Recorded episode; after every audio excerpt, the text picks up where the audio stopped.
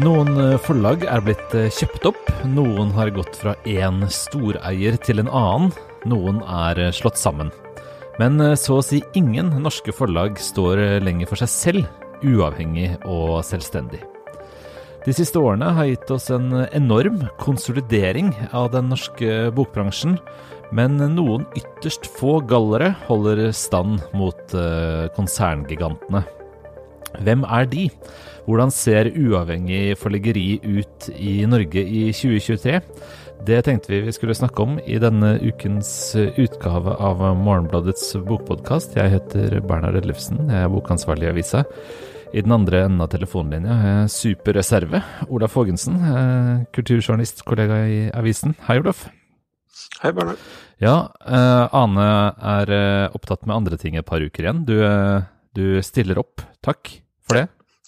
Ingenting. Jeg er ikke opptatt med noen ting. Stiller Nei, du, du, umiddelbart. Du, du, er sånn som i Er det i Annie Hall? Hvor, uh, hvor den scenen på takterrassen der hvor Dianes karakter uh, Der de spør hverandre liksom, skal du noe på torsdag, skal du noe på Og så har Annie Hall helt åpen kalender og rødmer. Ja. Uh, nok om det. der har du meg. Der, der, har vi deg. Uh, vi skal snakke om, uh, om forleggeri, tenkte vi. Eh, fordi eh, du driver og forbereder en eh, sak som vi ikke trenger å avsløre for mye om nå, som, du, som, du, som, handler om uavhengig forleggeri. Men det henger sammen med noe du skrev i sommer, som jeg tenkte vi kunne plukke opp igjen. Tre hva skal jeg si, rapporter, portretter, eh, saker om uavhengige forleggere i Norge. Men skal vi først si litt om om uh, landskapet de er uavhengig fra det. Altså Jeg antydet jo denne konsolideringa her. Hva, hvordan ser egentlig forlagslandskapet ut nå etter uh, mange sammenslåinger og oppkjøp og en stollek uten like? Ja, nei, men kan, hvis vi tar de tre store, største eh, norske allmennforlagene, Gyldendal, Aschhaug og Cappelen Dam, Altså Gyldendal eier eh, to mindre forlag, Kolon og Tiden. Eh, Aschehoug er jo eh, Oktober. Cappelen Dam eier Flamme. Inntil nylig så var det var Pax, Press og Dreyer Nå er det et fjerde som jeg glemmer, er det ikke det? Spartacus. Spartacus, ja. De var eh, frie og uavhengige, men de der kjøpte Gyldendal eh, De forente seg i noe som heter Forente Forlag, som Gyldendal eier halvparten av. Så de har på en måte tatt inn i eh, Gyldendal-folden, da. Mm. Lenge så var det jo borte i Stavanger, holdt Pelikanen på for seg selv. Mm. De ble kjøpt opp av Frisk forlag. De eksisterer fortsatt som Pelikanen, da, men de har ikke selvstendige lenger. Ehm, så fantes Fanfare, husker du det? Det var et sånt uh, enpersonsforlag, uh, vel. Det la ned for noen år siden. Ja, og så har vi hatt noen uh, store konsernomveltninger. Liksom, altså vi har jo to store forlag eh, etter hvert. Kagge og det som heter Strawberry, som nå heter Bonnier, har jo blitt liksom overtatt helt av hvert sitt nordiske mediekonsern. Og og Cappelen Dam har fått en sånn nordisk mediekonsern som eneeier nå, som har vært inne på eiersiden hele tiden. Så det er liksom Ja, og Aschehoug og Gyldendal, som du sa, er også konserner og har bokhandlere i tillegg. Poenget er at um, det er liksom konsernene, de store enhetene, som eier flere aktører og, og har mye makt, som liksom har tatt over egentlig alle så å si alle forlag. Samlaget, Nynorskforlaget, det er jo en stiftelse. Ellers er det egentlig nesten ingen uh, igjen som ikke er uh, Og det er jo en veldig stor forandring fra 15 år siden og 10 år siden, og egentlig 5 og 3 år siden også. Det har liksom Stolleken er komplett nå, har vi, har vi skrevet ved noen anledninger. Nå er liksom landskapet satt med helt nye strukturer, da. Mm. Så eksisterer det jo noen uh, uavhengige likevel, da. Mm. De er bitte små. De er ofte egentlig drevet av enkeltpersoner og mye dugnadsarbeid. Vi kalte det nisjeforlag. Vi lagde en liten serie i sommer der jeg besøkte tre av dem. Mm. For å ja, beskrive forlagene, fortelle hva slags forlag det var, og få høre hvordan det var å uh, drive sånne små forlagsprosjekter i, uh, en, uh, i dagens bransjesituasjon. da. Ja, De vi besøkte, ja. bare si, altså, Nisjeforlag, det er jo interessant det, da. At når man skal lete etter uavhengige aktører nå, som ikke er eid av eh, konserner eller andre større forlagsenheter, så er man liksom ute av allmennforleggeri, da. Stort sett. Ja. Uh, vi nevnte Samlaget, da, og det finnes noen flere eksempler. Men, men i, i stor grad så er man ute i nisjeforleggeri, altså forlag som er via en eller annen type bøker. En eller annen, Et eller annet hjørne av, eh, av den litterære offentligheten, rett og slett. Ja.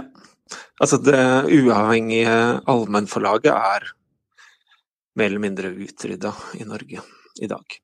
Mer eller Så hvis man skal gå mer eller Du mindre må ikke fornærme de Eh, som fortsatt holder stand. Nei da. Men nesten. Eh, nesten utrydda. Nesten. eh, og desimert, da. Uh, Sammenligna bare med for noen desimert. år siden. Mm. Sånn at hvis man skal øh, gå finne de uavhengige forlagene, så havner man gjerne fort hos nisjeforlagene, da. Mm. jeg besøkte tre av dem. Det, var, det er et forlag som heter Eksistens, drevet av Lars Holm Hansen i Oslo.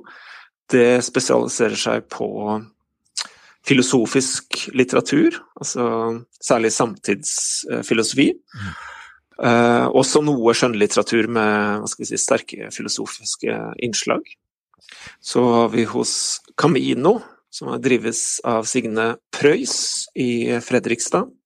Et steinkast unna hjemmekontoret til eh, denne halvparten av Steinkast podkasten. Mm. Det ligger i, eh, i gamlebyen i Fredrikstad, og med, er- liksom er særlig særlig sterke på oversatt spanskspråklig latinamerikansk eh, litteratur. Egentlig både skjønnlitteratur og sakprosa. Mm. Uh, begge disse er eh, relativt nye. Uh, de er vel ikke mer enn to-tre år gamle, tror jeg. Og men det tredje, eh, House of Foundation, som ligger i Moss, har eksistert lenger. Og der er det Martin Sørhaug som er hva skal vi si, eh, primus motor, men med et stort, eh, stort eh, redaksjonskollektiv rundt seg. Da. Det er kanskje enda mer av et eh, sånn kollektivt dugnadsprosjekt eh, enn disse to andre som eh, eh, vel i, stor grad drives av henholdsvis Holm Hansen og Signe Preus. Mm. Hvis vi skal si litt eh, først om hva som, hva som eh, Altså hva disse har til felles, da. Eh, hva, hvis man finner en, en galler da, i dette, mm, på dette kartet over, eh, over Romerrikets eh, forlagsherjinger, og så kommer man til den galliske landsbyen, eller finner en liten knippe med galliske landsbyer, hva har de til felles? Hva, hva, hva kjennetegner disse uavhengige nisjeforlagene, tenker du? Uh, og vi kan snakke om forskjellene på dem etter hvert, men hva, hva kjennetegner et Ja. sånt uavhengig nisjeforlag? Nei, det som kjennetegner disse tre, er jo at de eh, hver på sin måte eh, prøver å løfte en eh, seriøs, ambisiøs litteratur inn i den norske offentligheten. Altså, de har litt forskjellige valører. Jeg nevnte at Camino spesialiserer seg på latinamerikansk litteratur. Eh, House of Foundation har en mer sånn avantgardistisk, eh, skandinavisk profil. De utgir eh, eh, bøker på, fra- nordiske forfattere. De har også en serie med samtidsfilosofi, da. Men kanskje først og fremst en sånn avantgarde-profil, da. Også eksistens med denne mer sånn rendyrka filosofiske eh, porteføljen sin, da. Det er jo det at det er en eh, type litteratur som kanskje ikke har så gode kår hos de større forlagene, eh, som, eh, som disse brenner for. Da. På, de mener det er viktig. De vil ha det inn i bokhandelen og inn i avisen. Store forlag er gode på å selge bøker. Når du sier at dette er bøker som ikke har så gode kår, det kan man skjønne. Dette er jo det man kan bruke klisjeen smal litteratur om. Mhm. Men hvis ikke de, de, som er skikkelig gode på å drive butikk, klarer å drive butikk av det, hvordan uh, klarer da disse nisjeforlagene å gjøre det? Hvordan, hva, hva, er økonomien i et uavhengig nisjeforlag av denne idealistiske typen som du har besøkt her? Det er mye støttepenger da, fra Kulturrådet og Fritt Ord. Det finnes, det finnes ganske mange steder man kan søke penger hvis man vil drive sånne offentlighetsprosjekter som dette her. Da. Um, og så er det jo blod, svette og tårer, da. Uh, og de, de, tar ikke ut noe utbytte eller lønn, eller De får det til å gå rundt, uh, og ikke mer enn det. Uh, så vidt det er. men så, så, har de jo måte, forskjellige strategier for å få det ut. Altså Både House of Foundation og Camino har jo eh, drevet eh, vertikal integrering. Altså de har, de har eh, startet hver sin bokhandel, da. Mm. Som bokhandel skråstrek redaksjonslokale skråstrek arrangementslokale, hvor de f.eks. da kan selge bøkene sine direkte, da, ikke via en bokhandelkjede. Da tjener de mer penger på det, da. Og Camino, altså Signe Preus Camino, hun uh, brukte også denne, dette lokalet da, til uh, forskjellige sånne Hva skal vi si uh, Påfyllsprosjekter. Altså hun arrangerte noen type sånne litteraturlunsjer og sånne ting. da, altså Hvor folk kunne måtte kjøpe, kjøpe seg et lite leie, leielokale og sånt, som man kan liksom spe på med. da. House of Foundation driver jo, og Martin Sørhaug de driver en masse festivaler i, i tillegg. Vi kan komme litt tilbake til den festivalen, for den er jo litt mm. viktig for uh, House of Foundation. Men, men, hvis vi holder oss til uh, dette regnestykket, da, så snakker vi egentlig om liksom, relativt omfattende offentlig støtte, i hvert fall i andel. da. Uh, pluss uh, relativt omfattende mangel på lønnsutbetalinger, da. Det er, det, det er liksom summen, ikke sant. Og så er det vel også um, verdt å nevne at uh, forleggeriet som fag pleier jo konvensjonelt å inneholde en del uh, funksjoner, uh, gjerne oppfylt av ulike mennesker som er ansatt. Uh, F.eks. Uh, pressearbeid, markedsarbeid, språkvask. Sette Jeg vet ikke, alle ting da, som, som det å, å lage bøker medfører. Dette er vel ansatte disse nisjeforlagene i stor grad ikke har? Nei. Eh, sånn som korrektur og mm, design og sånne ting, der, der bruker de jo eh, frilansere, da. Men de, mm. altså, de, har ikke noen markedsavdelinger, sånn som en, et et større forlag har. Uh, de har ikke noen informasjonsarbeidere.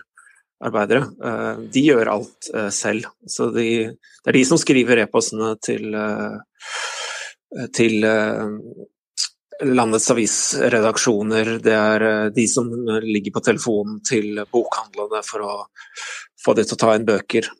Og det er, liksom, det er jo det de liksom sier alle sammen også, at det er liksom det Det er her liksom det store vansken med å, å mm. drive nisjeforlag, er jo det å få bøkene ut, få de synlig i bokhandler, få de synlig i offentligheten. Det finnes mye kompetanse litterær og hva skal vi si, forlagspraktisk eh, kompetanse for å eh, få oversatt og formgitt, eh, og ikke minst valgt ut disse bøkene.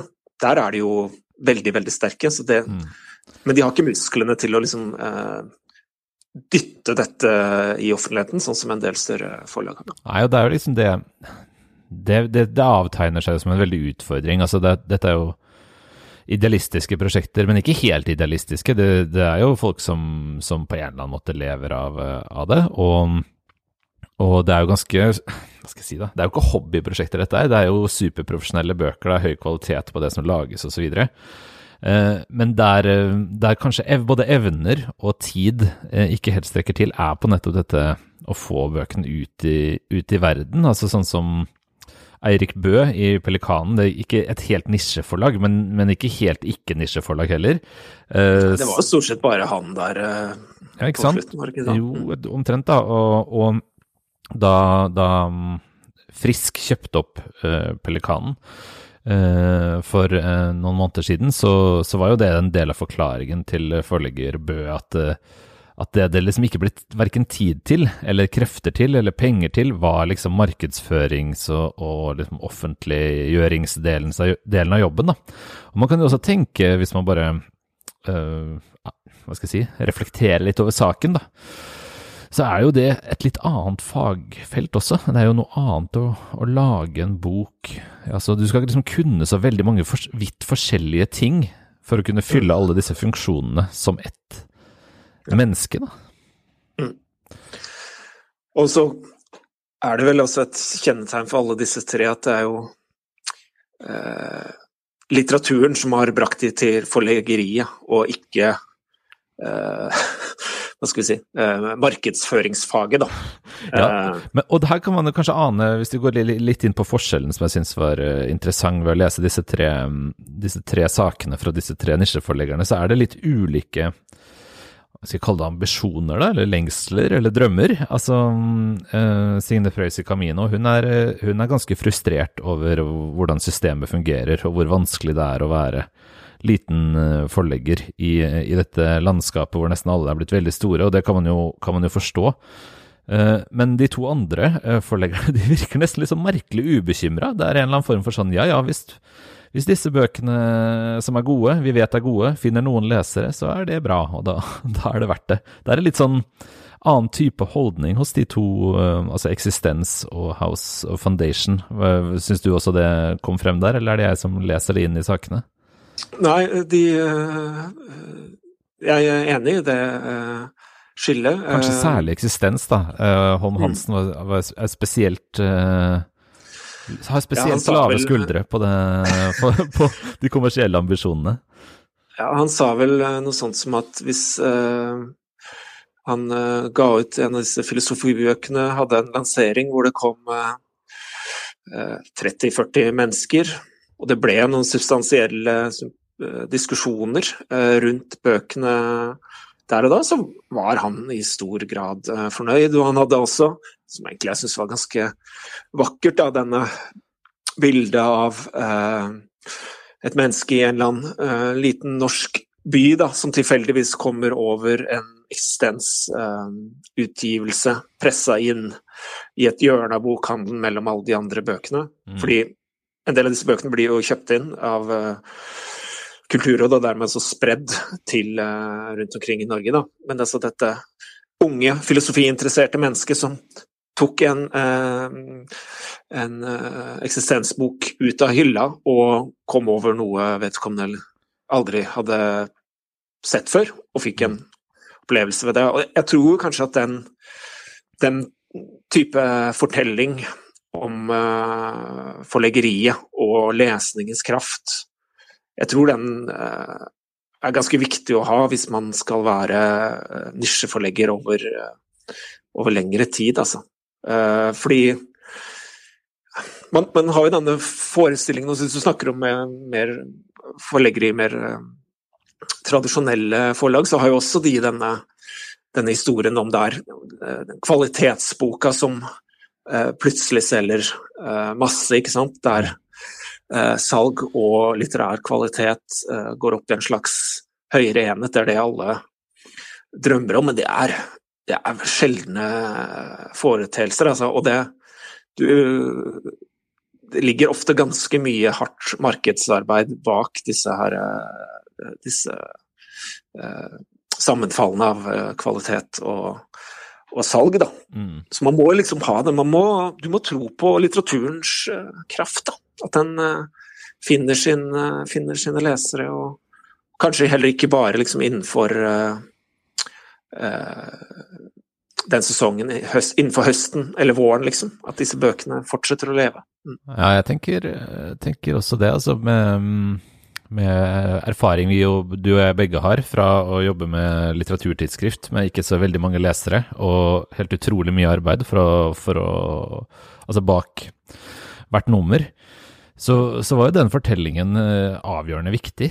Og, og den, det motsatte, da. Altså ønsket om å liksom selge veldig mye eller, eller liksom overvinne. Eh, stengslene, den, den blir raskt fortvilende. Men for meg var det veldig Altså, det var no, på en måte nok uh, i arbeidet med litteraturtidsskrift, f.eks. Å tenke at ja, ja, et, noen hundre leser det kanskje, og, og kanskje til og med noen som ikke har hørt om tidsskrifter før, på et bibliotek uh, langt ute i landet, eller altså den, den, Det du sier kaller troen på litteraturens kraft, den den har jeg i hvert fall. Og jeg, jeg, jeg, tror liksom man har sett det som en viktig motor i denne typen formidlingsarbeid gjennom veldig lang tid. Altså tidsskrifter og uh, småforlag osv. gjennom uh, 100, 120 år eller noe sånt nå, ikke sant? Helt fra begynnelsen av 1900-tallet kanskje, og enda før det, og fremover, har jo liksom tenkt at uh, det ikke nødvendigvis er et sammenheng mellom opplagstall og kulturell betydning. Og noen ganger så kan man til og med fortelle seg selv at det er omvendt. At uh, ingenting som mer enn uh, syv mennesker har hørt om kan noensinne skape revolusjon, liksom. Altså at um, uh, det er en viss sånn gung-ho-stemning da, på det der med dette er viktig. Og mm. den som leser det, vil se det, rett og slett. Altså, Martin Sørhaug sa noe som jeg har tenkt ganske mye på i ettertid. For jeg spurte jo alle disse uh, tre forleggerne liksom, hva, hva, er en suksess da, i deres øyne. Mm. Og han hadde da Han sa at for uh, en del av titlene de utga, så var det en suksess at de rett og slett eksisterte, da. Mm. Og med en sånn avantgardistisk profil som de har, hvor noe av det handler jo rett og slett om å eh, spre, dyrke fram andre skrivemåter, andre måter litteraturen kan være på, da, enn de som får oppmerksom, mye oppmerksomhet i dag. Da. Uh, og bare at de da uh, bøkene finnes fysisk der, kan uh, kjøpes, kan lånes på biblioteket. Mange av de blir også kjøpt inn, da, er er en, en, en suksess da, i, i hans øyne. Så hadde han jo andre kriterier. Han, suksesskriteriene var på en måte litt eh, kom litt an på hva slags utgivelse det dreide seg om. da, ikke sant? At f.eks. Eh, eh, med noen eh, bøker så kunne man jo se at de man kan spore en slags virkningshistorie. At folk plukker opp skrivemåtene eller eh, Eh, går i dialog med disse verkene, eller noe sånt. Da. Ja, ja det, det, kan man jo eh, ofte se. altså at, at bøker eller, eller tanker da, formidla gjennom nisjeforlag eller tidsskrift eller sånn, finner veien inn i den norske litteraturen, f.eks. Altså, det må jo være et stort suksesskriterium hvis man driver litteraturformidling og bokproduksjon på, på dette nivået, rett og slett. Og så mm, syns jeg jo alle tre hva skal vi si, var uh, flinke på hver sin måte måte å, egentlig og jeg tenker marked, da, uh, for å si det sånn. Altså, ta disse, både Camino og, og House of Audition hadde jo da lagd seg bokhandler, redaksjonslokaler i ett, men også sant, lager. Mm. Hvor de kunne beholde disse bøkene. Og en av de nyere satsingene til uh, til House of Foundation er en serie med samtidsfilosofi. Så sa jeg liksom litt sånn kjekt da, til Martin ja, ja, det, det Her har dere dere har ikke måte, gått veldig kommersielt i de nye satsingene deres med samtidsfilosofi. Men det var ikke han enig i, da. For at null eh, lagerkostnader. Dette er titler som eh, kan appellere til eh, studentsegmentet over mange, mange år. Mm. Altså, det var ikke på, ikke på, langt nær det mest ulønnsomme de gjorde det, og utgi mm. Slaughterdyke eller Mark Fisher, uh, sånne filosofiske pamfletter. Mm. Og Det er litt den gamle sånn billigboktanken nesten, det da, fra 60-tallet osv. Altså at det, mm. det, er bøker med en helt annen type um, slitestyrke i salg. Du kan selge det over tid osv. Hvis vi skal tenke litt uh, høyt avslutningsvis om vilkårene. altså hvis, vi, Grunnen til denne store konsolideringen er jo rett og slett at det har vært veldig veldig vanskelig å være mellomstort eller uh, ikke særlig stort, norsk uh, allmennforlag. Og det, det, det, er det mange grunner til. Det skyldes det du kalte vertikal integrering her tidligere, altså at flere av de store største forlagskonsernene også har bokhandlere, og det, liksom er, et, det er et veldig sånn monolittisk system å komme inn i. Mer eh, nylig skyldes det også at eh, det er viktig å ha ressurser til å lage lydbøker for strømming av eh, backlisten sin. Det er en dyr og investeringskrevende ting. Altså det er mange strukturelle faktorer som har gjort det vanskelig å være mellomstort forlag. Og da snakker vi forlag som er utrolig mye større enn disse nisjeforlagene vi snakker om her. da. Altså disse mm. mellomstore som i, med, med, tiden har blitt for små. De er fortsatt 10 og 20 ganger så store som disse nisjeforlagene vi snakker om her. Uh, men vilkårene for, for, dem har jo tydeligvis blitt for krevende. Uh, vilkårene for nisjeforlagene, det, det er um, Hva skal man si om det, på en måte? Altså, det er jo en tilgang på statlig støtte, f.eks. For, eksempel, for enkeltutgivelser, altså, og innkjøpsordning, kanskje prosjektstøtte fra Kulturrådet og andre stiftelser og osv., som, som andre land vel neppe har. Uh, så sånn sett så er det kanskje noen ting som er, er veldig bra i Norge, altså at det er mulig å søke mm. støtte i et visst omfang, og til oversettelser, til produksjon osv. Samtidig er det jo uh, enda vanskeligere for disse forlagene å komme inn i bokhandlere, eller få lagd en lydbok er vel ikke aktuelt engang, sannsynligvis. Altså disse, disse, tingene som står i veien for et forlag som omsatte for 50 millioner, står vel i hvert fall i veien for disse. Mm. Ja, for, mitt, for, meg så ser det ut som eh, vilkårene for produksjon mm. er eh, gode, og vilkårene for distribusjon er eh, svært krevende da, for disse små forlagene. Altså, de, et konkret eksempel er f.eks. at når uh, disse bøkene skal distribueres rundt i eh, andre bokhandler enn de de eventuelt eier selv, da, mm.